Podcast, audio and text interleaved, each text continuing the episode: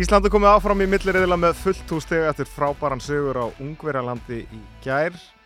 Íþróttavarpið hilsar þennan príðisfína miðugudagsskiptir engum máli þó að, hálfþjóðun sé einangrun og, og það sé myrkur úti.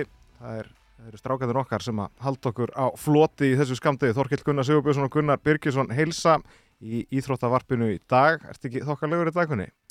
Jú, með þennan gest þá er ég ekki hægt annað sko. Ég er svona einhvern veginn eins og við vorum að ræða hérna fyrir útsendíku að hérna, eða fyrir upptöku að, að maður er einhvern veginn svona maður hef, það er svona vinnandi í þessari vinnu að þá upplifum maður mörg svona stór augnablík en gær verandi hérna í húsi þetta var eitthvað það var eitthvað svona sem sveifi við vötnum fannst mér sko. Ég svona vaknaði í morgun og ég var svona ég veitur svona smá aðeins að fara bara í smá upprifun sko. Herra, talar um gestin Gunnar, ekki Já. að kynna inn gestin. Jó Þú mátt kynna hann inn. Uh, þessi hefur hann er markvöldur Íslandsmeistari. Hann hefur unnið uh, dönsku deildina, hann hefur unnið þýsku deildina hann hefur unnið spænsku deildina hann hefur unnið meistardeildina fimm sinnum langar með að segja fjóru sinnum.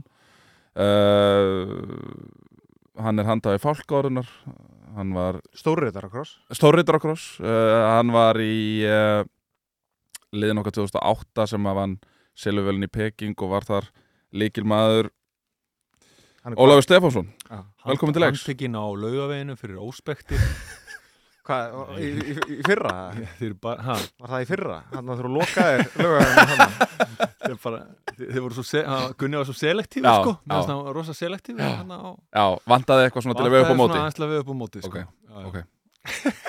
Velkomin Óli Hvernig er þú í dag eftir, eftir þennan ég bara hérna, þetta, ég hérna, hefði viljað heyra meira hvað hérna, með að Gunni var að koma þarna Já, með meira sko Nei, hérna, já, hve- hvernig hann var að upplifa hérna gerkvöldið sko. Gunni, halt, Gunni, hvernig var þetta?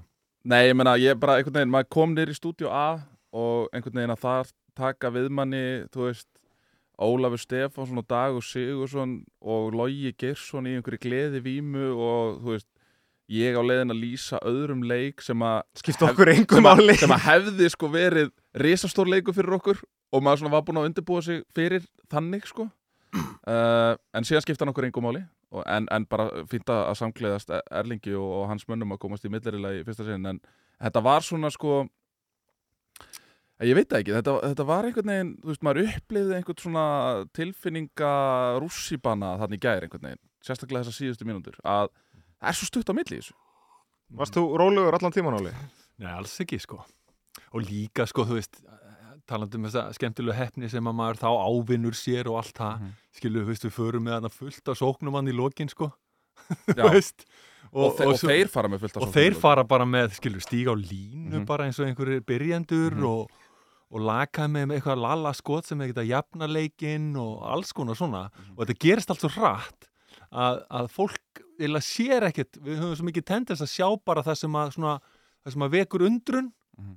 Og pælum svo ekkert í hinu hlutunum sem eru bara gerast þannig inn á milli sko. þetta er svo fyndið, sko. ég var að læra þetta í sálfræðin í haust hvernig við erum svona hlutdræg í alls konar hlutum. Ertu- munum bara það sem að er skiljið, það sem að er svona vekur einhverja tilfinningar og allt. Og svo pælum við ekkert í einhverju sko. Þú ert í háskólanámi sem sagt já, núna ég er búin að vera í, í sálfræðin í haust.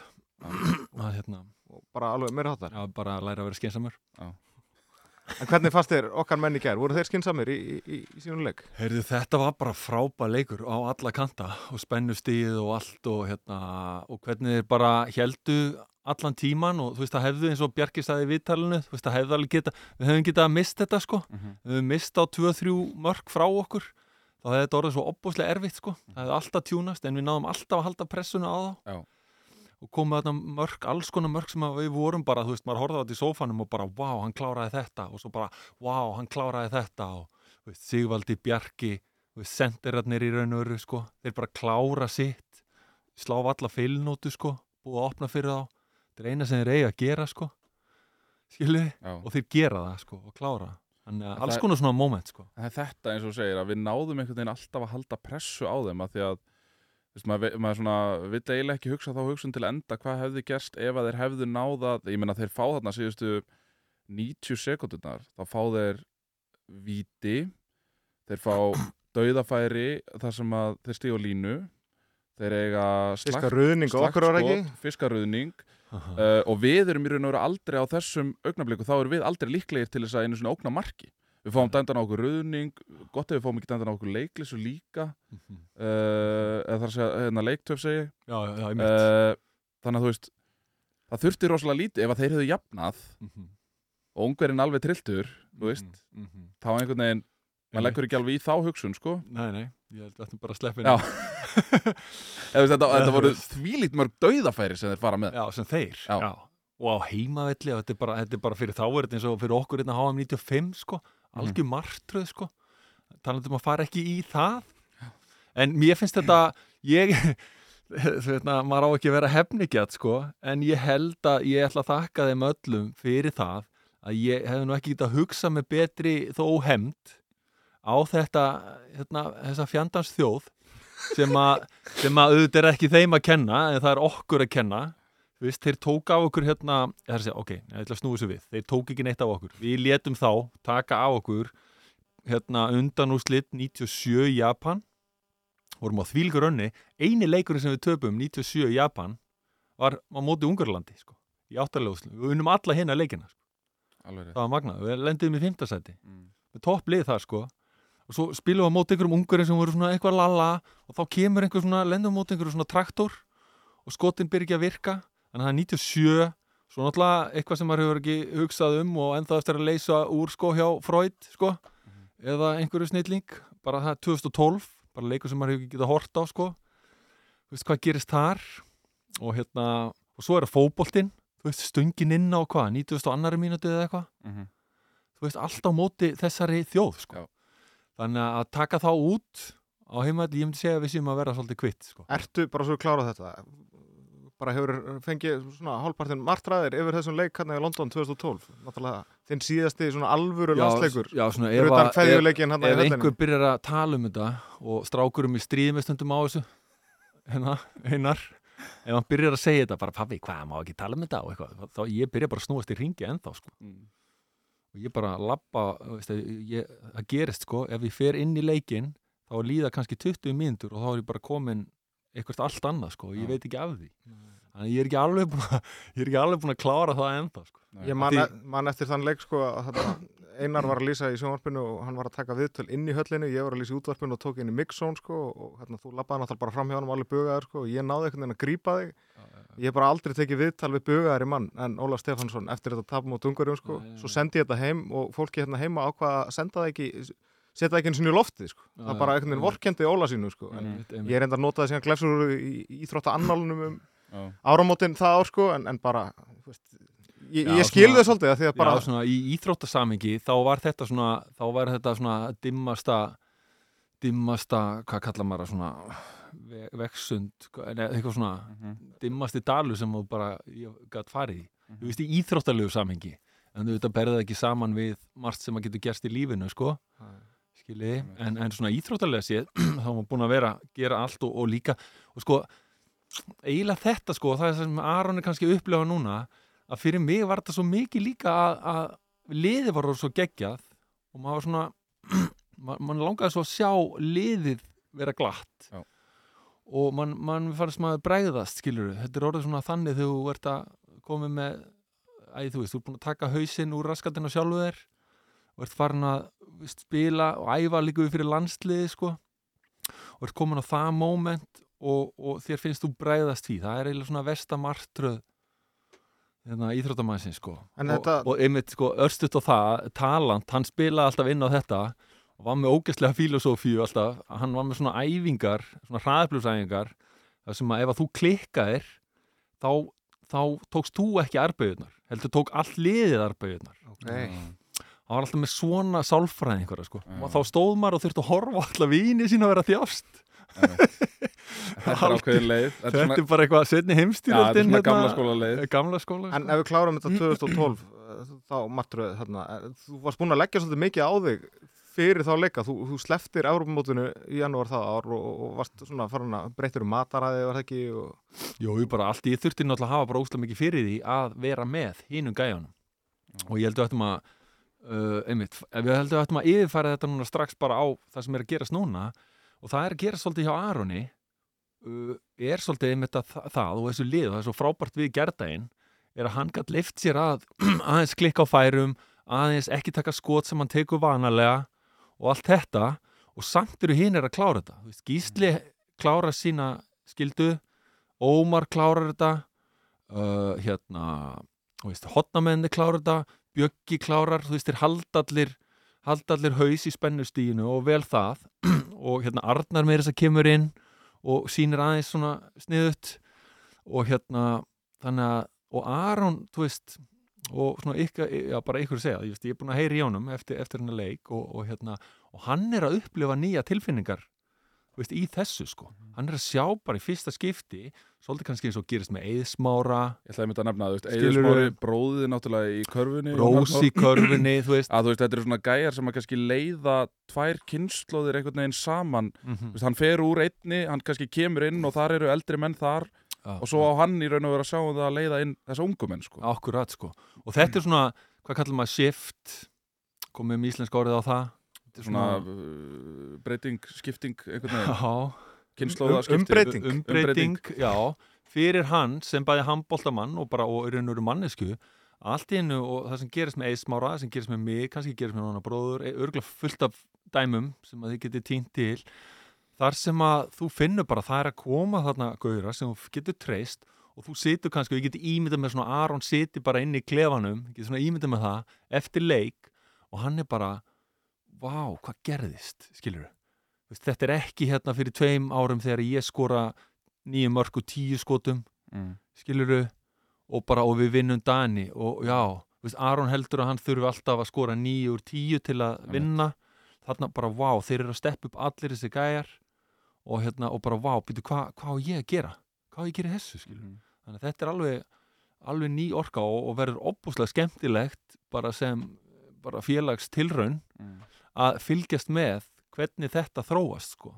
Hvernig voru þessar upplifanir fyrir þig? Þú hlýtur á einmitt upplifa bæði að, að vera með pressuna þú sem stjarnan í liðinu þurfir að skora all mörkin og svo einmitt líka að vera að hluta liðið þar sem að Já. þú bara fellur inn í liðið með hinnum stjörnum. Já, ég, einmitt, lendi í þessu akkurat, og þessari, ég kalli þetta nú bara gjöf, veist, allt í hennu dagur og patti, mínu bestu vinnir hérna, ripp og rapp og hérna, þeir eru allt í hennu hættir, patti svona að berjast í svolítið líkamann og dagur bara komið svolítið, held ég, í coaching pælingar, líka berjast við líkamann.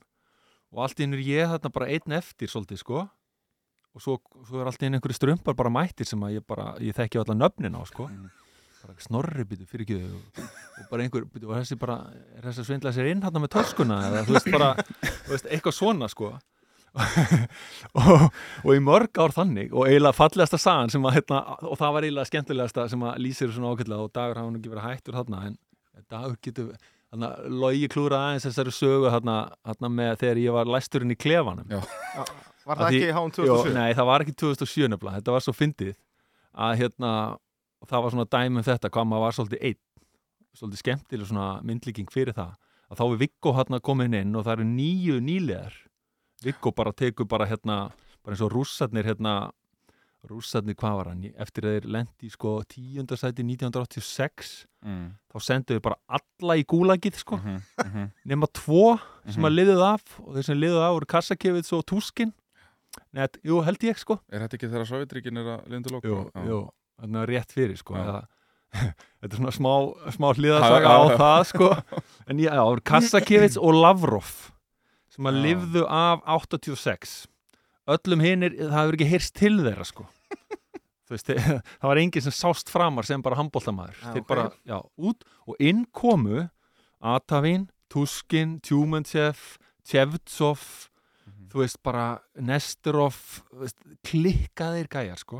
Og svo bara var til besta handbóltalið sem að ég hef séð á æfinni og það var Sovjetríkin sko, 1988 olimpíuleikanir það bara, ég hef aldrei séð annað eins og svo kom það óvanda þegar svíjarnir unnuð þarna 90 sko. Mm. þannig að þessi tvö svona stóru og ég maður því að spila á móti sem gæjum fyrst sko, ég bara, ég hef aldrei upplegað annað eins sko, bara, ég sá svart sko. Þetta voru svo stórir kallar og auðvitað kannski fyrir mig í minningunum bara sko. Og núna En- þykir það, bara þjóðar skömm í Noregi að hafa tapað fyrir þessu liði Það er að segja rúsunum Þetta er náttúrulega allt annað lið Þetta er bara allt annað í gangi sko. ég, vil, gangi. ég vil fá En hérna aftur, já, já, já, 2005 sko. aftur, í, aftur í söguna sko, þá, þá er ég og hérna, það sem gerist að það er líka nýr liðstjóri sko, sem að þekki mikið hann einhver vinnur að Sviggo, manni hvað hann heitir og ég er alltaf svolítið lengi að drulla mér út og allt þetta og þar er svolítið lengi á klósettinu og svona áður fyrir að hita upp og allt það þannig að hann læsir mig bara inn í kallinn ég er bara læstur inn í klefanum bara klikk, og ég bara, að eitthvað, þú veist og hann bara fer Mm.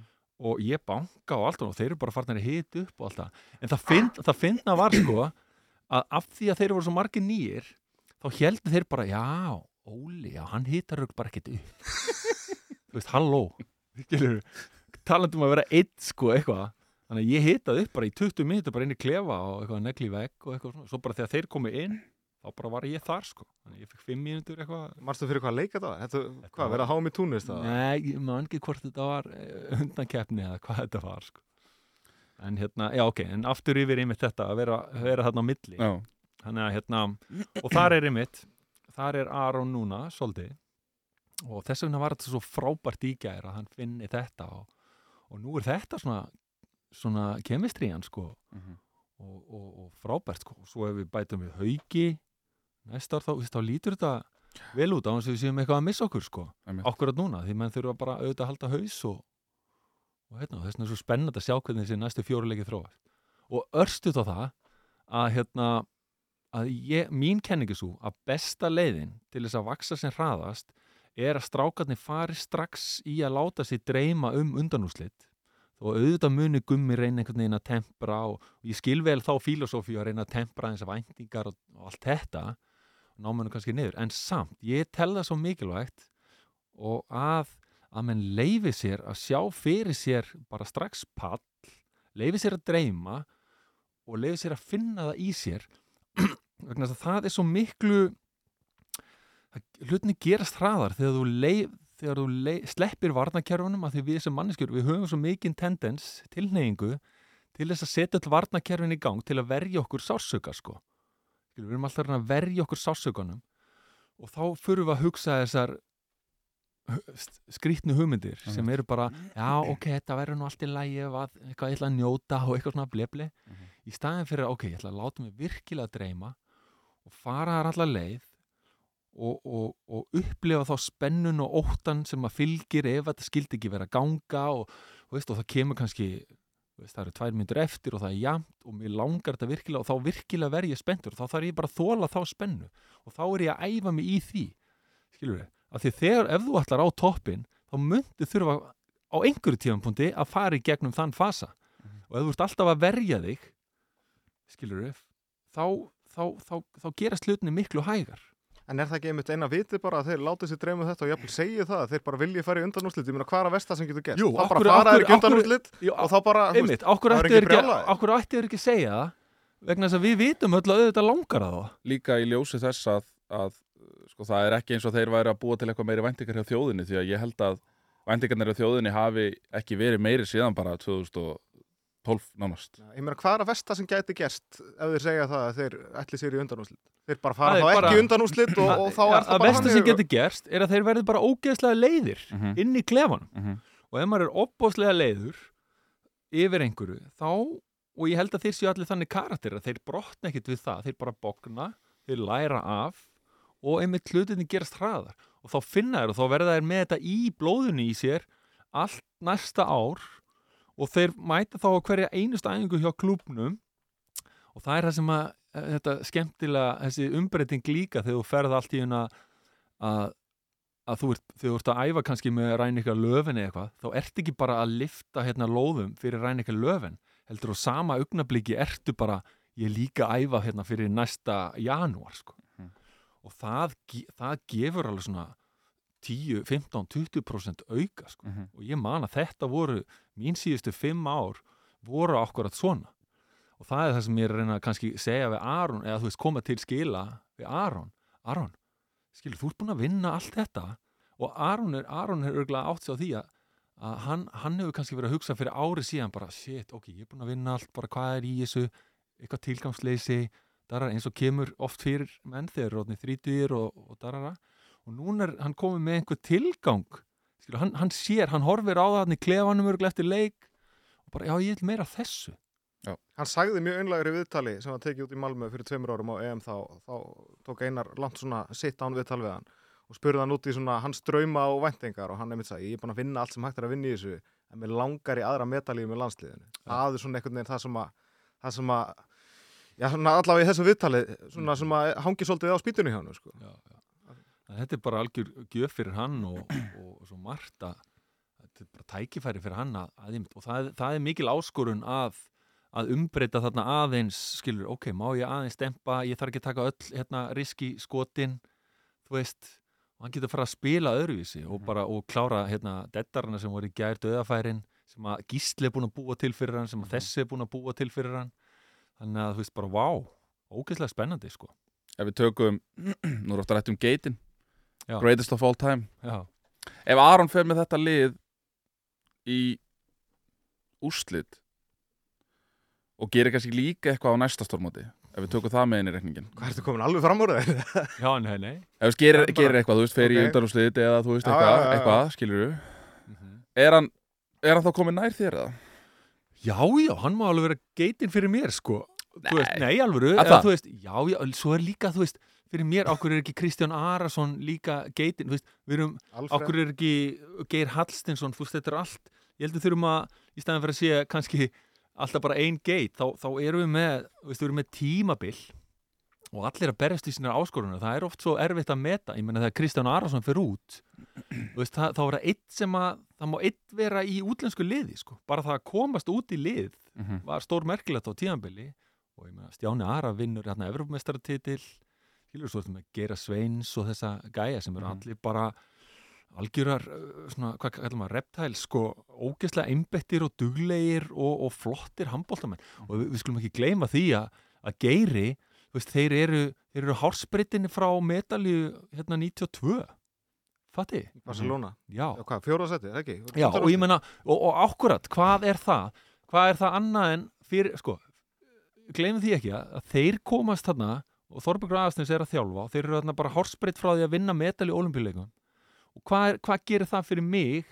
Hvað gerir það fyrir okkur? Jú, þeir gerðu það fyrir mig að ég sá, ok, þeir fara þarna, hvaða mistök gera þeir í haustnum, þú veist, 94, ég læra af því og ég nota það til þess að veist, koma með alls konar varnaðar orð þegar við erum eitthvað að missa okkur hérna í áttaljóslitum á móti pólveri með eitthvað og allir eru bara komnir í einhverja söfnun fyrir HSI bara nei, við erum ekki að fara í söfnun fyrir HSI þó við höfum drullast upp úr þessum riðli.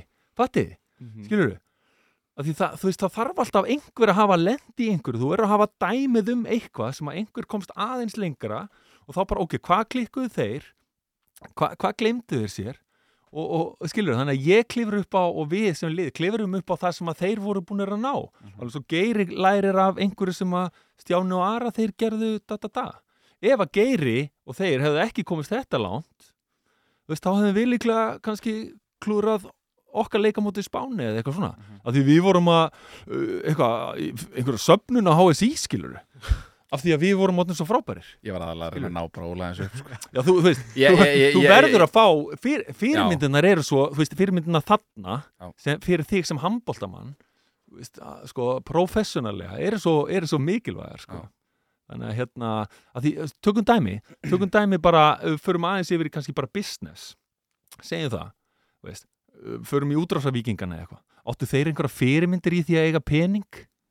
Skilur versus, versus hérna til dæmis Bretland eða Bandaríkin sem eru með tva, sko, fimm generasjónir af einhverju bankafólki sem er búið að lendi alls konar skilur kann að vera stórt, kann að eiga pening, kann að veist, vera hömbul í því taka lógiskar ákvarðanir Nei. sko. Já, þú veist, Já, við eigum engar. Þessi gaurar, þeir eru bara í fyrsta skipti komnir í, þú veist, björgulur og eitthvað, þeir eru bara í fyrsta skipti komnir í hérna áttalega úslit. Mhm. Það var enginn gert áður. Hvað gera þeir? Þeir bara, yeah, þú veist, eitthvað, fara að sapna fyrir hérna einhverja söfnun og, og missa sig og, og gera einhverja vitleysu, sko. Þannig að, veist, það er alltaf, þess vegna er þetta svo, það er svo fallegt, sko, þú eigir hvað sem þú gerir og að þú gerir það af ástríðu og einlægni og allt þetta og þó að hlutinni gangi ekki, þá er einhver hérna sem að kemur setna, hann getur horta það sem þú gerðir og hann getur lært að því ef hann er nógu skynsami til að kíkja á það. Einmitt. að þú fyrir mig Danalegin sem er á morgun. Þannig að þetta var svarið við gótinu. Já, já, já, ég meina kanin er rosalega upptekinn af þessu. Kanin, þú veist, þú veist, það er endalaust þú veist, Michael Jordan, LeBron James, þú veist er og veist, þeir með vilja alltaf tengja saman gamla tíma og þeir oft gerir svona fjarlæðin fjöllin blá og allt það. Mhm. en þeir vilja tengja saman þessa gamlu tíma og við, þú veist, nýjungarnar og allt það og bera saman og þú veist, og það er statistík og það er titlar og annað slíkt Já, fyrir mér er bara eins og með, eins og með Aron eða þessa stráka þetta er bara eins og sama með són minn sónu minn á að vera betri en ég ekki bara sem handbóltamaður hann á að vera betri sem ég sem manneskja hann á að vera föðu betrungur Mhm. skilur, og þá erum við að gera eitthvað rétt ef að strákurum minn er einhver ruglutallur Mhm. þú veist eða eitthvað þá er það á mína könnu sko. Er hann líkuð þeirra? Nei, hann er bara alls ekki líka mér Nei. Hann er mömmu sinni í útliti sko, en, en ég sá viðtal við hann eftir að hann var karate. ég heyrði nú smá óla í Já, það er, það, sko. en, en það er samt sko, ég tók það viðtal ég hugsaði Það bara, er- þetta er, þetta er sonur Óla Stefánssonar Já, en ég hef samt aldrei séð Þú veist, maður hugsaði sko leikmaður í þessari stöðu á þessum aldri, í þessu liði á þessu augnabliki í lífi sinu að vera Íslandsmeistari uh, hvað hann var jarðbundin eftir þetta viðtal, þá hugsaði ég svona þú veist, wow, þú veist hann var ekkert bara er Íslandsmeistari hann var bara að batt þess að þarna er- vörð saman með, með Alexander og, Einmitt. og þeim hann í vörninni það er sko. greinilegt að þarna er þú veist, ég meina og eins og við rættum með, uh, með, með Óskari Bjarna að, það er þetta með veist, einhvern veginn menninguna sem þú lifir í og samfélagið sem þú lifir í að ég meina hann náttúrulega elst bara upp við það að, að pappa sem bara einn besti handbóltamæður í heimi mhm. Einmitt, að en hann er eins og er og við fyrir okkur alltaf á því hvað börnin okkar eru ólík okkur. Það er eins og, eins og genin hérna í líkamann að ná ekki alveg utanum þetta sko. Mhm. fólk fyrir að kíkja í stjörnurnar og já, hann er rútur og þessi er vassberi og eitthvað svona la-la skiluru og við erum ekki ennþá búin að átt okkur á því hvað það er sko, okkur, okkur þau eru svona ólík okkur Einmitt. sem er svo fallegt sko. Og hérna, og það er það sem gerir þetta svo mikla áskorum bara að vera foreldri sko að þú horfur einhvern tíma bara, hann hugsar allt öðru sem þú en það er nú ennur saga. Mér langaði aðeins að heyra, Óli, frá þér með varnarleikin á þessum móti hjá Mhm, íslenska liðinu mhm. og, og bara svona hvernig hann breytist í gær. Hver, hver eru svona þínar pælingar með, með vörnina? Já, fyrstu tvei leikinir þá bara, sérstaklega Holland. Veist, við bara, við, við, við brutum ekki eitt, við náðum ekki einu svona að stoppa, sko. Þú, veist, þú, stopp, þú stoppar mann þegar hann, þegar hann haggast ekki og það er bara stopp, skilur við og það var það sem ég er að kritisera í, í mig fyrir elliða og hérna hafsendana og Arnar er að þú veist, þeir eru bara allt, allt og myndi að láta, láta taka sig og það þarf alltaf að hjálpa þeim og það er alltaf eitthvað svona vesen Mhm. og það vantar svona, það vantar, við þurfum þetta, ver, þetta er okkar hvað er maður að segja, þetta er okkar svona leki ennþá, Já. ef við náum þannig að þessum þristum, já, þetta er, þetta er kryptonætið ennþá Mm. og ef að, ef að þeir ná þessu og við fáum þá sterkari þá, þá er þetta, þetta er, þetta er kryptonætið svolítið Mm. ennþá, þannig að þeir þurfa að finna út úr því um, og það gerist ekkit eitthvað hratt en það geti gerst já, hægt og rólega. En sáum við Þannig að- já, en- en svo- svo er þetta svo gær? Já, og svo er þetta náttúrulega svo ólík lið. Holland er bara með eitthvað nýtt element. Þeir eru bara opbúslega snöggir og, og allt þetta. Og í gær sáum við hérna að þeir, þeir voru meira kannski að höndla skitturnar og svona einn á einn og allt það. Og, og, voru líka síðan, síðan bökkur aðeins og, og voru veist, aðeins aftar hann að Bjöggi fekk aðeins betri skot. En auðvitað í fyrriháleik þá fáum við þarna 8 mörk á línunni á móti náttúrulega einhverju bara 120 kílóa tanki sko. Mhm. en það sem við gerðum vel og það hrósa gumma fyrir það á strákunum var það að bæði koma þarna Elvarinn og Arnar sem er aðeins, þetta hendaði Arnar aðeins betur að bakka með Já. og svo hættum við líka sko að skilja veist, fólk sér það kannski ekki alveg en í staðin fyrir að sko að, að, að hérna annar, eða þú veist, nummer 1 eða tv- nei, 2 eða 3, að hann vaði út og skilji einn mann eftir með línuna þá fórum við aðeins að feika það og vorum bara tveir með línuna sko. skilji, og þá kemur þriði, þá kemur auka maður og fer í skittuna og þá látum við þú veist, þá tökum við sjensin á að þeir sjá ekki yfirtölu sko í hotninu Já. eða hinum einn sko sem eru þá líka auðveldari skot fyrir bjögga heldur en að fá, fá skot bara af línu sko uh, skilji, þannig að það, það, það kom rosalega stert og það, það þurfum við, við getum orðið betri í því það er kallað svona hjálpavörð sko, Já. og þá segjum við, ok, við ætlum að dobla hérna á þetta hættisvæði og við ætlum að láta skotið enda þar, eða í hotninu eða eitthvað svona að því að sko það komur á óvart hvað ungverðinir voru virtust einhvern veginn ráða lausir þegar að við byrjuðum að loka svona, einmitt að svo segir, að tvöfaldæðurinn voru svolítið á línuna og voru duglegir að fara framfyrir og reyna að stela og annað slíkt. Að því þeir listuðu þetta svo vel í fyrrháleik það eiginlega skipti engu máli, þeir bara kostuðu boltan mjög lótið og Benzi Baníti bara greip það. Ég veist nú þegar leiðar setna áleik bara þessi leiðilegi frasi bara þeir vildu þetta ekki svo mikið á við sko. Já, já. Já, eða bara spennan. Og svo bara, kannski voru þeir ekki bara alveg nógu góðir, Lekai er ekki hann var bara ekki góður í þessu móti. Og, og sem skitta og svona, bara skotinast bara ekki nógu föst. Og hann tekur þarna og það, hann tekur þarna krúsjalt skot í lokin sem er bara algjört svona. Já. og þá held ég, þú veist, það bæða spennan í honum er bara, maður sér það sko. Þú veist, þú, þú, þú harnar aðeins ef að ef, að, ef þú komin í ofhátt spennustig og mér fannst hann vera þar. Mhm. og hann, að því það gerist líka á móti Portugal, hann í öðru leiknum þá er hann að taka svona skot sem að, og það bara hann var heppin að það reddaðist, skilur, að það er unnu En Dani á morgun, heimsmeistar hana já, og olimpíumeistara frá, já, reynda komin hvað er verið, sex ár hérna olimpíumeistara, hættum að tala um það, þeir eru allavega heimsmeistarar.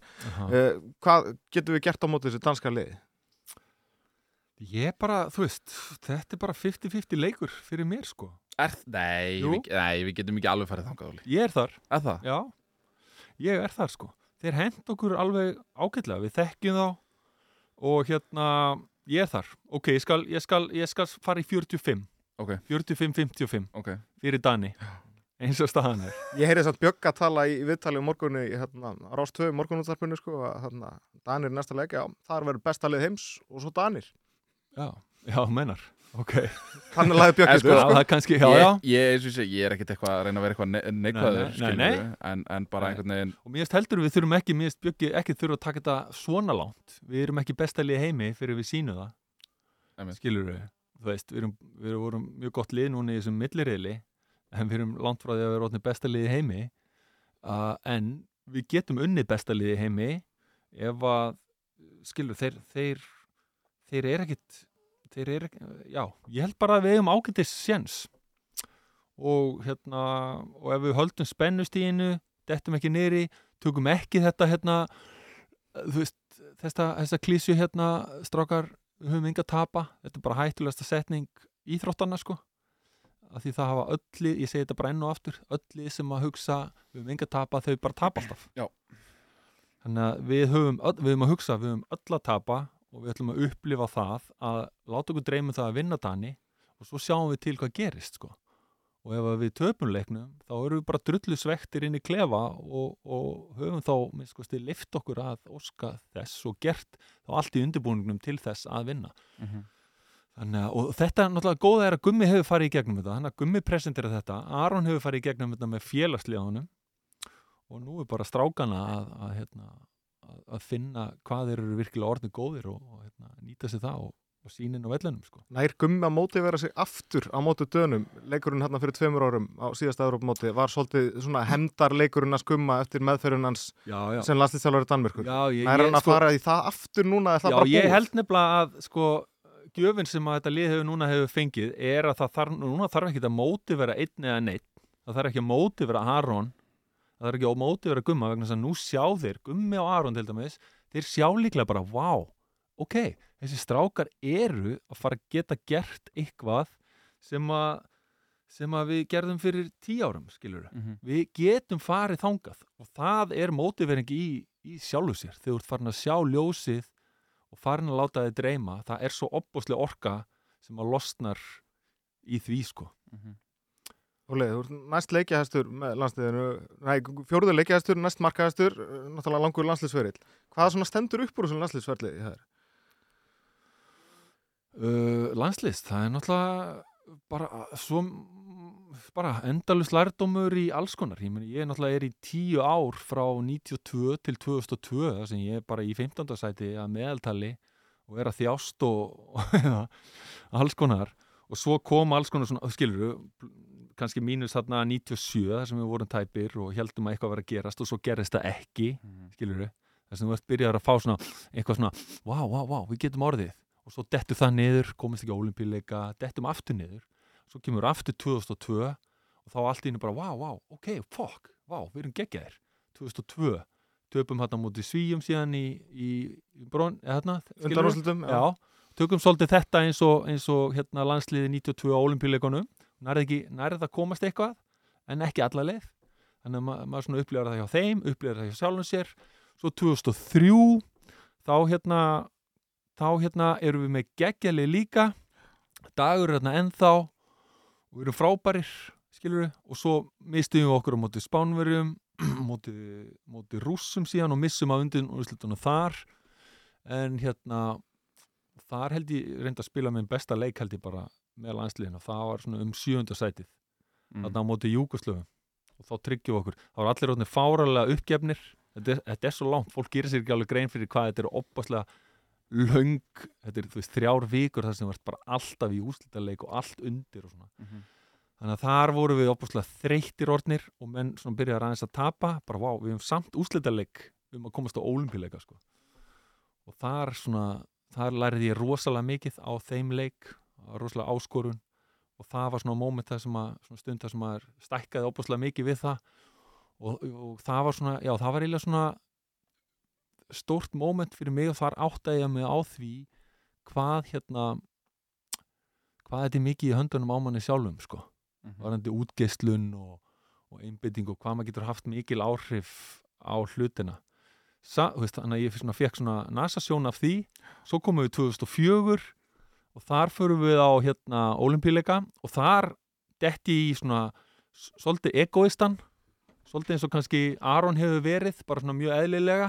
Þar held ég bara, ok, Óli, ef þú skorur áttamörk þá, þá, þá gerum við eitthvað stórkastlegt þannig að ég fyrir bara að spila leikina og eftir leikin bara, þú veist, er ég að horfa á vídeo með sjálfu mér og ég bara ég, ég, ég og darara og nenni alltaf að tala við neitt og skilur, loka mig bara inn á herbeggi og skilur allt þetta. Ok.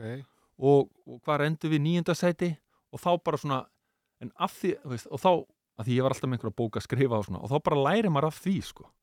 Og maður fattar, ok, þú gerir þetta svona og það gekk ekki og næstu fjör á maður bara, ok, býtu, hvað hva, hva þarftu þá að gera, skilur En kom ekki svo, hvað, Og- 2005 eða 6 að þá tilkynur eftir eitthvað mótið að þú allir hætti að Jú, jú, svo er maður í alls konar svona og það er okkur þetta sem að, hérna, svo aftur í Aron eða Íðsmára eða eitthvað þá kemur, ko- komur svona ár þar sem þú ert í einhverju svona vúvú landi, sko. Já. Fannstu þið þá bara ekki með Nei, og ég bara dett niður og ég líka, þú veist, er að skipta um lið fyrir alltaf inn í spánskan handbólt og þjálfun og ég held ég hafi bara verið í besta formi lífsmís þarna þegar að Alf, ég var að klára hjá Alfreð. Svo dett ég niður og lendi þarna hjá algjörum rugglutalli, sko, Juan de Dios. Hjá Sigurdal. Já, þannig að, þú veist, jafnvel ég gat ekki einu svona haldið Þetta er 2000 og hvað? já, forminu, sko, ég haf með þjálfara sem að læsir boltana, sko, eftir æfingu, þannig að maður mátti ekki taka auka skott ég, ég mátti ekki lifta sko auka. Það var með svo lélega liftingaræfingar og það mátti aldrei gera neitt nema undir hans, þú veist panoptikon sko Nei, þannig ég datt svolítið rosalega niður hann, sett, hann setti mynda mér sko alla, alla liftingastöðvar hérna, borgarinnar og bara þessi má ekki hann má ekki æfa sko Hæ? og ef ég stalst til að æfa og hann heyrði af því, þá tók hann mig bara fund og hann sagði bara, býtu, hvað ertu að gera? Hvað ertu að gera? Býtu, ertu að segja það? Ertu að segja það? Ég kunni þetta ekki skilur, hann, hann var þar Og þessi maður hefur ekki þjálfað neitt síðan. hann, já, hann vildi meina það að hann væri bara með þetta allt á hreinu og Já. ég ætti ekki að lifta sko já, ég ætti ekki að lifta sko tíu kíló meira heldur en að hann var búin einhvern veginn að reikna út þannig að hérna, og ég bara, ég bara var með, þú veist, ég var með Alfred sem við mig sko, Já. bara besti fysiski þjálfari ever mhm. og þarna lendi ég bara einhver rugludaldi sem að banna mér að reyna að æfa eins og ég gerði þegar ég var hjá Alfred sko. Hvað sastu lengi um með hann og þannig það að tvö ár og síðan alltaf síðan var ég komin í svo lélegt form og skotform og allt það og, og Dútsibæði fallaði að láta mig fara eftir fyrsta sísoni sko. þannig að hérna, já, þeir alltaf senda mig burt fengu, fengu annan, þeir eru með tvo í minni stöðu. Er þetta 2003 þetta 4 er 2004-05 Já, 4-5 ég bara vissi að, þú veist, ég var búin að hlaka til að fá Dútsibæði sem coach þannig að, þannig að ég bara, nei, ég er ekki að fara hálft sko. Voru ég þið ætlaði að fara, þú veist, þeir buðu mig Flensburg og eitthvað svona. Já, og, En voruð þið vinnir þegar hann tekur við? Þú veist, eða voruð þið, Já, en svo var líka- erki hann, hann var erfitt að spila með talant. Hann, hann let okkur skitturnar og sem ekki hann leysa byrjaði inn sem spilandi og, þjálfari eða? já, Já. og svona. Þannig að það var svona. Og sama tíma er þetta transition uh, hvað kallar maður þetta, ég reyna að slett ekki núna. Umbreyting, voru við ekki að tala um það? Já, Viggo kemur þarna og ég er svolítið haugur og, veist, og þetta eru erfið ár fyrir mig, sko, þarna 2005 til 2007, sko. Svo kemur Alfreð og svo dettur þetta bara allt í henni inn þarna Mm. 2007 og 8 og maður þarf að þóla að vera með geggjali 2007 töpum samt á móti dönónum munni 42-41 Ah, Snorri með 15 mörg Já, þú veist þannig að veist, þetta er búið að vera alls konar sko. og svo dettur þetta bara inn 2008, allt í henni kemur bjöggi og fyrir að verja eitthvað og við fáum þetta bara og svo síðan öfugt 2012 þá eru vonir eiginlega ennþá sterkari. Þó að hérna djókarinn logi sér ekki, þá vantar okkur kannski kannski hefur logi geta komið með með þetta element þarna á móti ungurinn 2012 Þar var Aron komin inn það er Aron komin inn og akkurat og maður horfir á bara í kringu sig og bara allir bara, ó, þess vegna var þetta svo erfitt 2012 Er það á því móti sem Adolf Ingi á, á fræga viðtali við, við, við þig þegar, þegar hann hérna Nei, það er 2010 í Östuríki Nei, 2010 það er Austurríki. Austuríki, já, afsak, fyrirgefðu hérna Adolf. Já, ég hef reyndar- alltaf ég- verið með samvinskupið Ég var reyndar mín að sögja því líka þetta var ekki beinni. Nei, Ég var með prógrami hérna heima og ég sé bara, herðu, þetta er geðvögt viðtal, þetta fyrir loftið sko. og svo já. Dolly með alveg brjálar og ég var náttúrulega alveg, alveg í rusli sko, að vera já, henda já. félaganum Já, Hérna, En þú veist, Mér ég, fannst þetta bara svo gott sko. mér fannst það bara verða að þu- þurfa að fara í loftið, Já, þetta voru bara já. tilfinningar og ég Já, menna, já. þú veist, spurningin hjá Dolla, ef maður hugsa hana, hún átti alveg rétt á sér þannig sko, en, en, já, en, já. en Já, já. Já, ég fór með, ég held að ég hafi einmitt klúrað þarna einhverju í lokin sem að olli því að við hvað gerum jafntefli þá Mm. við á, það ekki? já. Ég veit ekki Gerðum hvað ég sko, skori Klúraði, ég fekk skref á mig eða Ég eitthvað skori svona. kannski nýju mörk í tíu skotum Já, eða, já, já, nei, mörk í átta tí- skotum tíu mörk í nýju Já, sko, tíu mörk í sko. skotum. Já, já, ég veit En mér langar að grípa þess hérna að því við fórum að ræða þetta þjálfara hérna uh, Ég með í raun og veru svona tvíþætta spurningu ef við byrjum á fyrirpartinum uh, þú, þú ferð þarna í þjálfun kannski í svona mínimalísku samhingi eða svona, þannig séð, þú veist, með að við mann með þinn feril og, allt það að maður, maður hefur séð þetta mjög oft í handbóltanum að þeir sem eiga flotta, flotta feril og, og eru svona eru, eru stóri leikmenn að þeir fara út í þjálfun og, Mhm, og oftar en ekki með, með fínum árangri mhm. uh, hvern, hvern, hvernig, hvernig horfið þjálfurinn við þér? Er þetta eitthvað sem að þú Já, ég held sko svona, þér að segja, ég sé bara orðin aftur ég búin að, ég, svona, ég er að finna ástina aftur á á handbóltanum sko.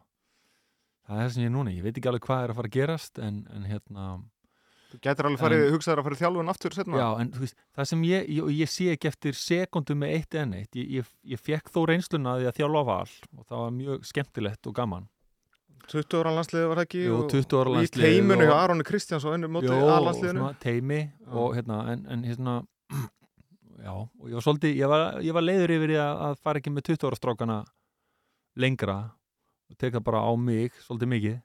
Og hérna að það var svona aðeins en hérna en ég held ég hafi gert rétt á því. Ég þurfti bara, ég fann bara að, að handboltinn var bara veist, þetta var orðið, þetta var orðið of mikið og, og ég þekkti þetta einhvern veginn of vel og ég þurfti bara að komast út úr þessu.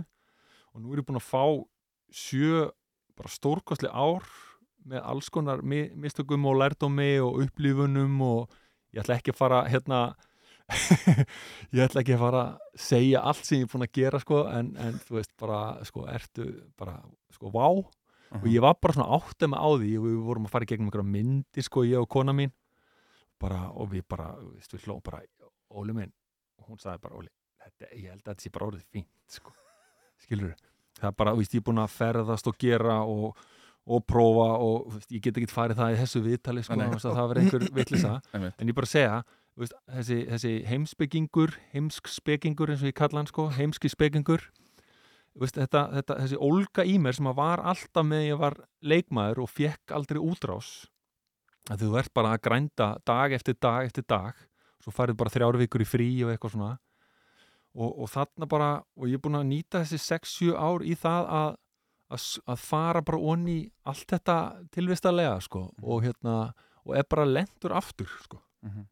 bara þannig að það sé Veist, ég, Er þetta, atvinnu auðlýsing þetta er í beinni? atvinnuauðlýsing Já, og líka bara það að ég held að fólk geti hérna treyst því sko og að fólk, eina sem skiptir mig máli er að kona mín treysti mér þannig að bökkum aðeins Já. skilur þú að, að hérna að ég er komin aftur á þann stað að ég þú veist, já, það sem þessi ferð hefur gert að hún hefur bara látið mig sjá það að, að þetta hérna sem við erum að gera núna, við erum að tala hérna saman Mhm. ég fer út og eftir og ég sé himinin og ég sé bíla keira og allt þetta og ég er búin að sættast við það að það er galdurinn sko. Galdurinn er, skilur, ég er búin að sækja vatnið yfir lækin það tók mig Mhm. sjö ár, sækja vatnið yfir lækin og ég vitna oft í alkemistan og, og svona sögur þetta, þetta snýst alltaf um að þú kemur aftur heim sko. Bara maður heimurinn er. Já, ég er búin að vitni þú veist, eins og Lord of the Rings og þú veist, þeir fara allir út og þeir henda hringnum hann í Mount Doom og allt þetta. En hvað gerist alltaf í lokaæfintýrana kemur heim og, þú, og heimurinn er ekki sá sami og þú sé, hann er orðin miklu falleri hann er orðin miklu tilgangsríkari og þú ert farin að njóta þess sem þú sér, þú nýtur þú getur verið með börnunum getur verið með konunni þú getur verið með ykkur hérna núna Mhm. og þetta er allt og þú bara, þú respektar bara síman sem upp, uppfinningu skilur, þú, Mhm. þú finnur betri betra bræða kaffinu, þú kannt að meta þetta og þú áttur á því að þú hefur að þúsund sinnum betur þú, þú hefur að betra heldur en einhver kongur fyrir hundra árum vegna þess að heimurinn er einhvern veginn alltaf að reyna að verða örlítið betri sko. Það er eitthvað sem segir mér samt að maður með þína fyrirskrá þegar þú ert svona í þann mynd að hætta að það hafi nú verið potið einhver lið og jafnvel stórlið út í heimi sem hafi viljað fá þig í þjálfun. Já, já, þú veist, ég var með, já, já, við förum í það, bara, þú veist, ég, ég var með tilbúð frá Hamburg hana og svo frá Magdeburg og svo fikk ég tilbúð um að þjálfa danska landslið og, og alls konar svona, sko, alveg langt svona örgulega þrjú ár eftir ég hætti, sko. Mm. Þannig til að, hérna, agentinn minn, hérna, Volgang, hann bara, hann hristi bara hausin og bara, "Eh, já, já, Óli minn, þú veist, bara, ertu ekki grínast? Ég sagði bara, nei, þú veist, ég, ég þarf að, ég þarf að bóra mig einhverstar onni jörð og, og ég þarf að ég veit ekki, æla, ég þarf að öskur út í tómið þú veist, ég þarf að deyja í einhverjum kulda þú veist, ég þarf að taka eitthvað ekstrem til þess að átta mig og, og það, það er það sem að ég held að öllum sé holdt á einhverju tíðanbili að gera svoleiðis hluti sko. og ég þurftir- ekki býða með það Þú þurfti bara að stíga alveg út úr handbóltan já, ekkert bara það. Þurfti, já, stíga út og síðan fara ofan í og upplifa allt þetta sem að maður var að lesa í einhverjum bókum. Veist, það er eitt að lesa Dostojevski eða um einhverja þjáningu eða allt þetta og lesa eitthvað um bútisma og lesa einhverja setninga með rúmi og hlusta á bítlana og veist og, og how many times must a man look up before he can see the sky eitthvað Dylan og eitthvað svona. Veist, það er eitt að hlusta á þetta og svo er annað að gera það sjálfur. Actually taka sér tíma veist, fara út, segja bless við þorpið fara og klifra upp lendi einhverju, láta einhvern úlf narta í eirað á sér skiljiði, einhver, einhver hérna, örn kroppa annað auga úr sér skiluru, hangon í einhverjum brunni í þrjá daga eins og óðinn veist, þú, þú, þú veist, ég er alltaf að reyna að segja það þú veist, fólk á að gera þetta mm. það kostar, það er stórhættulegt Ge- það getur verið að komir ekkert aftur en þetta er það sem að þetta er, þetta er dýftin í mannlegum veruleika sko. Ertu að segja að það sé rauninni leitin að finna sjálfan sig? eða? já, Bara, Nei, ég meina að því að líf íþróttamannsins já er það ert- er það, Þorkell, já Já, og, og- og, og það sem ég kom- fyrirgefi Nei, allt er góð, allt er góð, talaðu og, og ég er á þeim stað að einmitt, þetta með lækin og allt það að þú finnur ekki fyrir þú hættir að leita sko. og það er það sem að ég er staðurinn þar þú, þú finnur þegar þú hættir að leita vegna þess að leitin er það sem að heldur þig frá því að finna og það er ekkit að leita og nú erum við komin svona aðeins út og ég er búið með þetta, Mm. takk fyrir mm. og, og hérna og, og er svona þokkalega, veist kona mín elskar mig ennþá Já. Og, og hérna ég er mjög þakkláttur fyrir það og börnin, þetta var, alveg, var alls konar erfið moment. Veist, það sem að börnin er bara, pappi, hvað ertu að gera? Og, veist, bara, hvað ertu að gera þetta eitthvað. Og, en, en þetta hafði allt, ég vissi alveg hvað ég var að gera sko. Og ég, maður er bara að reyna að gera ákveðna hluti sem maður er ekki að ok, En, en, en Nei, ég af, sem því, sagt af, því að við, af því að ég ræði þetta alltaf að við, við höfum fengið svo oft í, í nánasteila bara öllum öðrum sérstaklega boltaíþróttum að, að þá kom alltaf einhverjir svona, þú, þú getur örgulega allstaðar fundið einhver staðar eitthvað tvekja tíma hlaðvarp eða sjónvarslátt eða eitthvað sem að ferillinni gerður upp og hvað þú ert búin að gera eftir ferillin og eitthvað svona. Með handbóltamennina er þetta ekki svo mikið. Ég, ég, ég, sitjandi hér með þér getur verið hérna í allan dag sko að ræða bara einhvern veginn ferilinn og svo eftir ferilinn og, og hvað þetta er búin að vera að gera síðustu ár og þú veist, akkur, akkur, akkur hvarfstu Já, já, og ég held einmitt sko og, og talandi um aftur þjálfun ég finnst eins og einhvern veginn að það sé kannski að koma aftur og ég finn það bara í mér og ég fann það líka bara þegar ég settist á bekk í sálfræðinni og var bara svolítið tekin með og opaslega fallit, ég, þeir seldu mér þetta bara svolítið hratt, bara allt þetta vísindilega og hvað við erum oft hlutræg í okkar dómum og, og hvernig þú actually og hvað hegðun er hvað er erfitt að breyta hegðun hjá fólki og hvernig þú þarfst að gera það og, og allt þetta. Bæði það og síðan bara og hvað þjálfun tengist mikið inn í það og hvað þarf að vera góður sálfræðingur í raun og, og allt þetta þannig að ég er farin að hillast aftur að þessu og ég horfa á dag og, og hérna og gumma og, og patta og allt Áfram. þetta og hvað þetta er, það sem er svo fallið við íþróttunar er hvað þú færð rætt svona eh, feedback, endursvörun þú ert alltaf að fá viðmið bara tvisar í viku skilur Mhm. á þú, þú leggur eitthvað fram og svo kemur það í ljósi í leiknum á miðgudegi sko Mhm. og svo lagaru og da da da En, en, En þú, er- þú ert ekkert bara að horfa á þessa leikmenn ég er búin að spjalla aðeins við hérna stundum núna í kringum þessar stofur sem Ástriða náttúrulega sést vel gagvart handbóltanum hjá þér en, en vá. alltaf ef við neymdropp eitthvað hefur heyrt í Guðjónu Val eða Alfreð eitthvað þá ertu þú er bara nýbúin að tala einhvern veginn alltaf við alla þessa kappa sama hvað mann maður nefnir sko. Já, ég er búin að núna í sko síðustu mánuði þá hef ég bara verið að koma aftur inn og talandum um þetta að, að koma aftur tilbaka og það, ég nefndi kaffibótlan ég nefndi, þú veist, hímininn og allt það og inn í því er einmitt að nefna, eða þú veist, inn í því er einmitt að vera þakkláttu fyrir það sem að handbóltin hefur gefið mér og átta mig á því að þetta er mín sérhæfing mm -hmm. þetta er það sem ég er búin að leggja inn þetta er það sem ég, það sem að við köllum sko, hvað köllum við að hérna pixelatnir sko uh, hérna veist, í, þarna er ég með háa upplaust sko er það ekki há. Veist, ég sé handbólta í mjög hárri upplaust Mhm. og, og það er minn kjarni og mitt hjarta og síðan hérna síðan getur allt hitt svona bæst ón á það skilur, það sem ég er búin að reyna það sem ég er búin að átta mig á því að ég er búin að vera á alls konar stöðum. Ég er búin að reyna að byrja hérna sagnamennsku sem að mér langar að fá inn í skóla.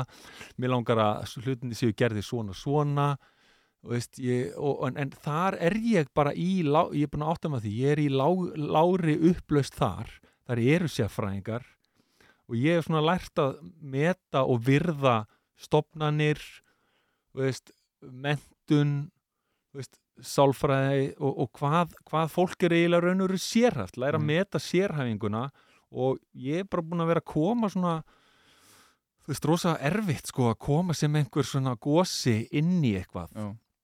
Og hérna, og En- það, það er bara, já, það er bara þannig En eru hjólinn eitthvað farin að snúast varandi þjálfun, þú veist? Nei, ég veit ekki, ég, ég held svona að ég hef nú alltaf trúa þessu skrýtna orði sjálfvirk spá Mm -hmm. sem er það að þú byrjar að leggja út veiðafarið þín Já. sko ekki, og það þarf ekki endilega að vera sko í einhverju, heldur bara það gerist sjálfkrafa þegar orkan mín er komin einhvern veginn þangað þá, þá gerast einhver svona ósynlega eða þú veist, þá er eins og ósynlegum veiðafærum sé kastað Mhm. og þá ferð að fá eitthvað inn og það er svona þetta sem er kallað sjálfvirk spá að í raun og veru ef þú byrjar að láta þig dreyma um eitthvað þá ert að, þá ert að senda það út í, í allt og þá einhvern tíman allt í hennu kannski færðu eitthvað eitthva símtali eða einhvern möguleika sem að áður var ekki sko, því að fólk, fólk finnur þetta auðvitað eins og þið er að lýsa þið finnið, sjáu að maður er, allt, að maður er komið ástyrðin aftur. Vist, ég, ekkert, ég, hef, ég hef ekki sagt orð um handbolta í eiginlega sjö ár sko. Hvernig fílar þið bara í þessari EM-stofu og vera núna komin í eitthvað álitskefa hlutverk eða svona hlutverk gaggrínandans bæði á jákvæðan og neikvæðan Já, bara opuslega gaman þetta og bara hérna að sitja með ykkur og, og ræða þetta hjartasmál og, og líka og bara fá að sitja með degi veist, það, það er allt annað heldur en að, að vera skilur það fólk gerir sér ekki grein fyrir, veist, ég finn munin á mér og til dæmis degi sem er búin að vera að stjórna liðum hérna núna bara í tíu ár og bara opuslega hái leveli, skilur, dagu var bara skilur, hann tekur bronsa á olimpíleikum Já. með þjóðverða, bara þú veist, það er eitthvað sekundubrót, það sem hann hefði getað líka verið í gullinu þar þess vegna sko og hann tekur gull á EM veist, að taka Þískaland og þetta lið lemstra þýslið sko. Lem, og þú veist, það er eitt að vera leikmaður með sitt og kannski síðan fyrirliði sem er svona kannski milliskref í þjálfaran og svo að þetta að vera þjálfari og taka veist, og, og manatja heilt lið og, og allt þetta. Og þannig að dagur, þú veist, fyrir mig líka bara að sitja með degi. Hvernig er ykkar samband, Uh, ykkar dags? bara mjög gott.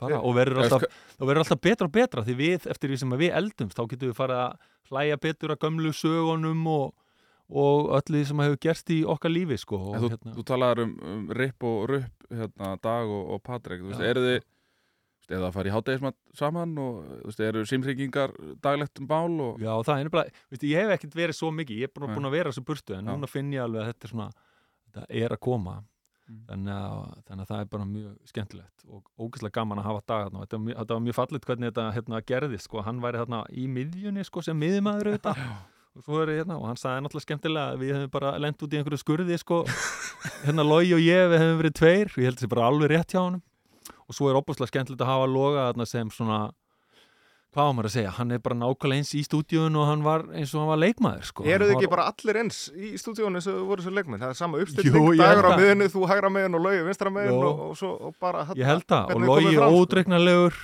og ef að við erum komnir eitthvað í, í vandræði hérna dagur og ég, þá bara kemur logi með einhverja bombu og, Mhm. og hérna, þetta er skemmtileg hérna, kemistría og svo með Kristjánu til að hérna, halda einhvern veginn utanum þetta sko. Þetta er sko einhvern veginn fyndi hvað þetta er fljótt að gerast af því að ég man á deildafundunum sem var nú bara svona tildulega stuttu fyrir mót að Íþróttadeildarús og þetta fundar alltaf á mánudöfum uh, og þá tilkynni Hilma Björnsson og segir að það sé hernaðalendamál að, að, að, að þú komir inn í sérfæðingahópin Addi P. er off en við erum búin að ná Óla hennin Já, og ég man að fyrstu maðurinn sem stekkur út kemur hérna, yes, það er frá einar erni og þú veist, og maður hugsaði þetta frábært en, en eins og segir og, og maður hugsaði það alveg sjálfur ef ég á að viðkynna það að þá einhvern veginn svona vissum maður ekki hvað útgáðu fengir Óla hvaða útgáfa maður fengi á þér sko. já, já, já. en svo einhvern veginn kemur maður og fyrsta stofan og bara einhvern veginn og eftir fyrsta leikin Ég hefði ekki viljað fá mig fyrir tveim árum sko. Nei, einmitt, ég hugsaði það Já, fyrir ekki en, þú veist, en, en þú veist, eins og eftir fyrsta leikin að það er einhvern veginn allir rosa hátt uppi og þá kemur þú, eða þú veist, já, og nú bara komið fínt að hrósum, ferði í einhverja punta og maður hugsa bara, já, ok, þú veist, þetta er náttúrulega bara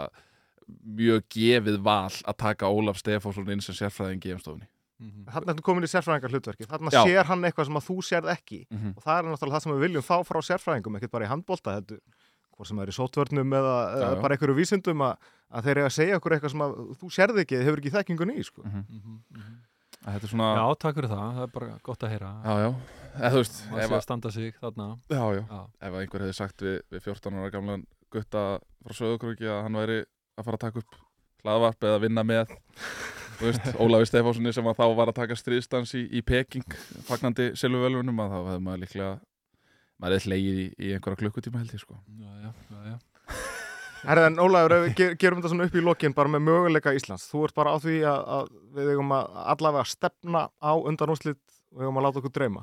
Og strákarnir, fyrst og fremst náttúrulega, eiga að láta sér dreyma. Það eru þeir sem eru náttúrulega, Já, við erum með rosa margt í höndunum núna, gott gummir á góðum stað og hérna, aðeins að segja ykkur kannski aðeins að segja ykkur með það sko, að hérna ég hafði eins og við, þú veist, það var ákveðin svona síðasta ár var svona, ég veit ekki hvað við höfum tíma en ég ætla að reyna að hafa þetta stutt. En Mhm. þú veist, það var og ég vona að hérna, já, það, þú veist, þetta búið að vera erfitt ár fyrir landsliðið og þú veist, það voru ekki allir svona streamlined greinilega, það var svolítið alltaf, það var mikil olga getur við sagt, Gummi á kannski erfiðum stað í, í hérna, mel, var hann ekki Melsungen?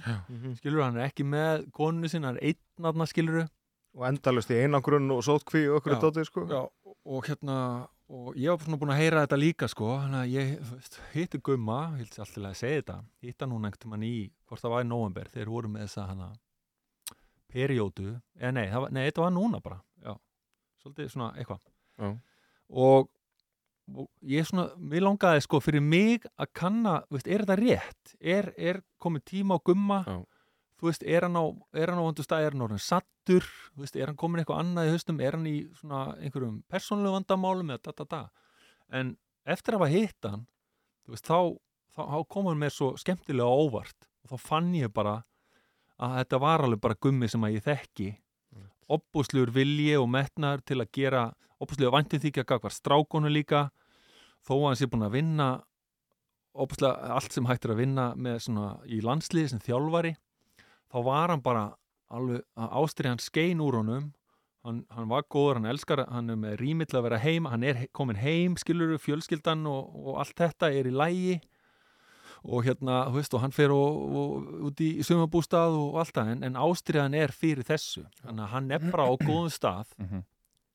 og hérna og síðan hefur þetta bara svolítið myndgerst í, í þessum síðustu þrem leikjum. Og við sjáum það, við sjáum eiginlega að hann er á bara hvernig hann er í viðtölum. Ég ætla einmitt að koma inn á það. Já. að bara, og hann maður sér það eiginlega við rættu það ég og Þorkill einmitt í gær og Þorkill komið frá bara punkti einhvern veginn. Þegar hann var í viðtalinu í gær að Já.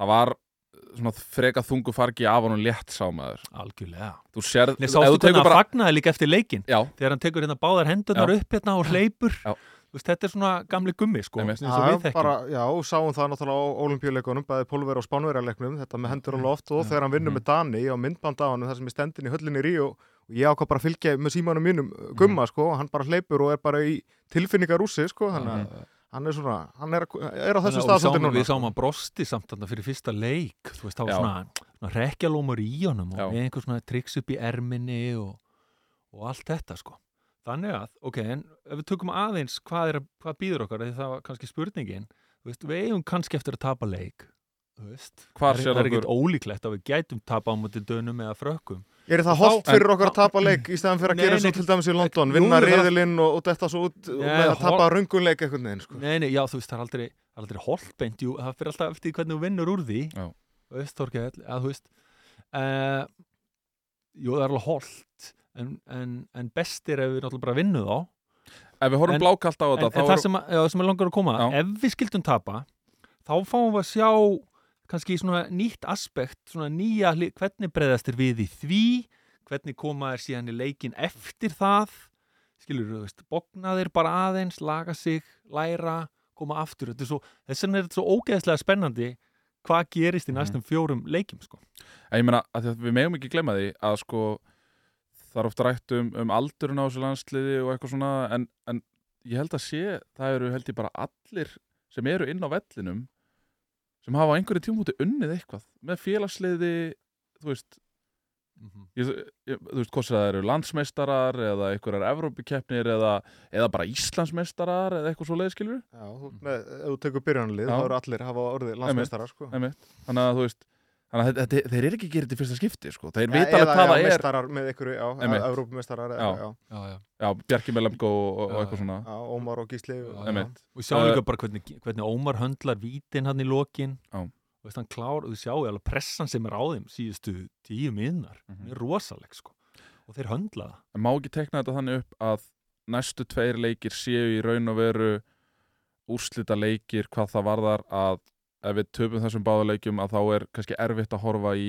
eftir tvö sæti nýrið í millirilinu Jú, og þá ef að það skildi gerast Já. þá þurfum við að sjá þá taka stóru myndina og segja við ætlum að vinna síðustu tvo leikina upp á og þá, þá eru þau kannski komnir aðeins inn í framtíðina. Já. við ætlum að, við ætlum að um, upplifa þetta, við erum búnir að taka svekkið. Og við erum búnir að finna sársökan sem að fylgir því.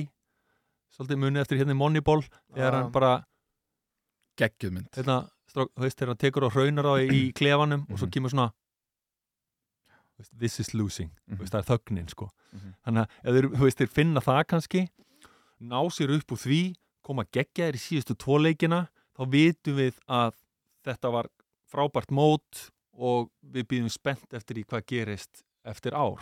Rosa skrítið samt þessi uppröðun að við byrjum á Þannig að- liðunum sem unnu sína reyðla og eigum króata og, og að- svo, sko. þannig að ef að þetta gerist þá, hérna, þá er það lærdómir en uh, veist, það sem við viljum að gerist er að við náum að stela með skusti einu stíi ef við náum að stela einu stíi úr þessum tveimur leikjum þá eru við með opbúslega góðan séns að komast í undanúrslit og þá, þá þurfum við að klára það skilur þannig að. Bara, bara vá, bara há spenna og, og Eh, bara gaman. Ólafur Stefánsson, við getum talað við í allan dag en, en þetta Sömuleiðis, þarf ég að fara að fá að komast líka- inn á hlaðarsveitur ég, ég, sko, ég geti verið hérna marga klukkutum með Já, uppbútt, ekki ég taka mig sem vondakallin um að vera slökk og Óla, ég- þetta er bara dett, á dett inn eftir 27 mínútur.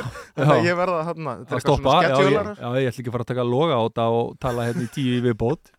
En ég ætla að fá að hrósa ykkur kærum. Ég finnst þið frábærir hérna í að þekkingin og allt sem þið vitið um þetta þú veist, það er, það er áskorun að vera ekki að spila leikin en vita samt allt einhvern veginn um þetta. Mér finnst þið fáralega málefnilegir og góðir. Takk fyrir það. Takk og hérna bara, bara og, og allt í kringum þetta að koma hérna inn.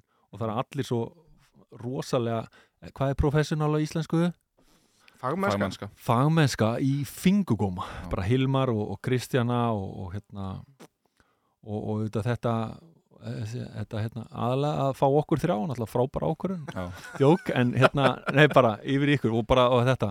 Þannig að ég hlakka til að, að eiga hérna fjóra, kannski fimm leiki viðbútt hérna. Ég held að þetta sé- fjóra eða sex það er bara fjóra eða sex, já, já Ég held að þetta séu fín logo og, uh, við erum náttúrulega búin að setja kannski hérna við erum að, við erum búin að hækka standardin rosalega í gestunum og annað slíkt þannig að hérna, við verðum mættir hérna með, með eitthvað gott fyrir ykkur á hvað fimmtudaginn? Hvað það er, nei það er á morgun. Það er á morgun, já, Föstudaginn, Föstudaginn. gerum gerum upp danalegin upp og spáum við frakkalegin á föstudaginn og, Já. og, og hérna ég held að vera nú alveg með kempu. Já, já, já. Hvort hann hafi komið fram í samtalinu hér, ég veit það ekki. Hverðum í dag, bless bless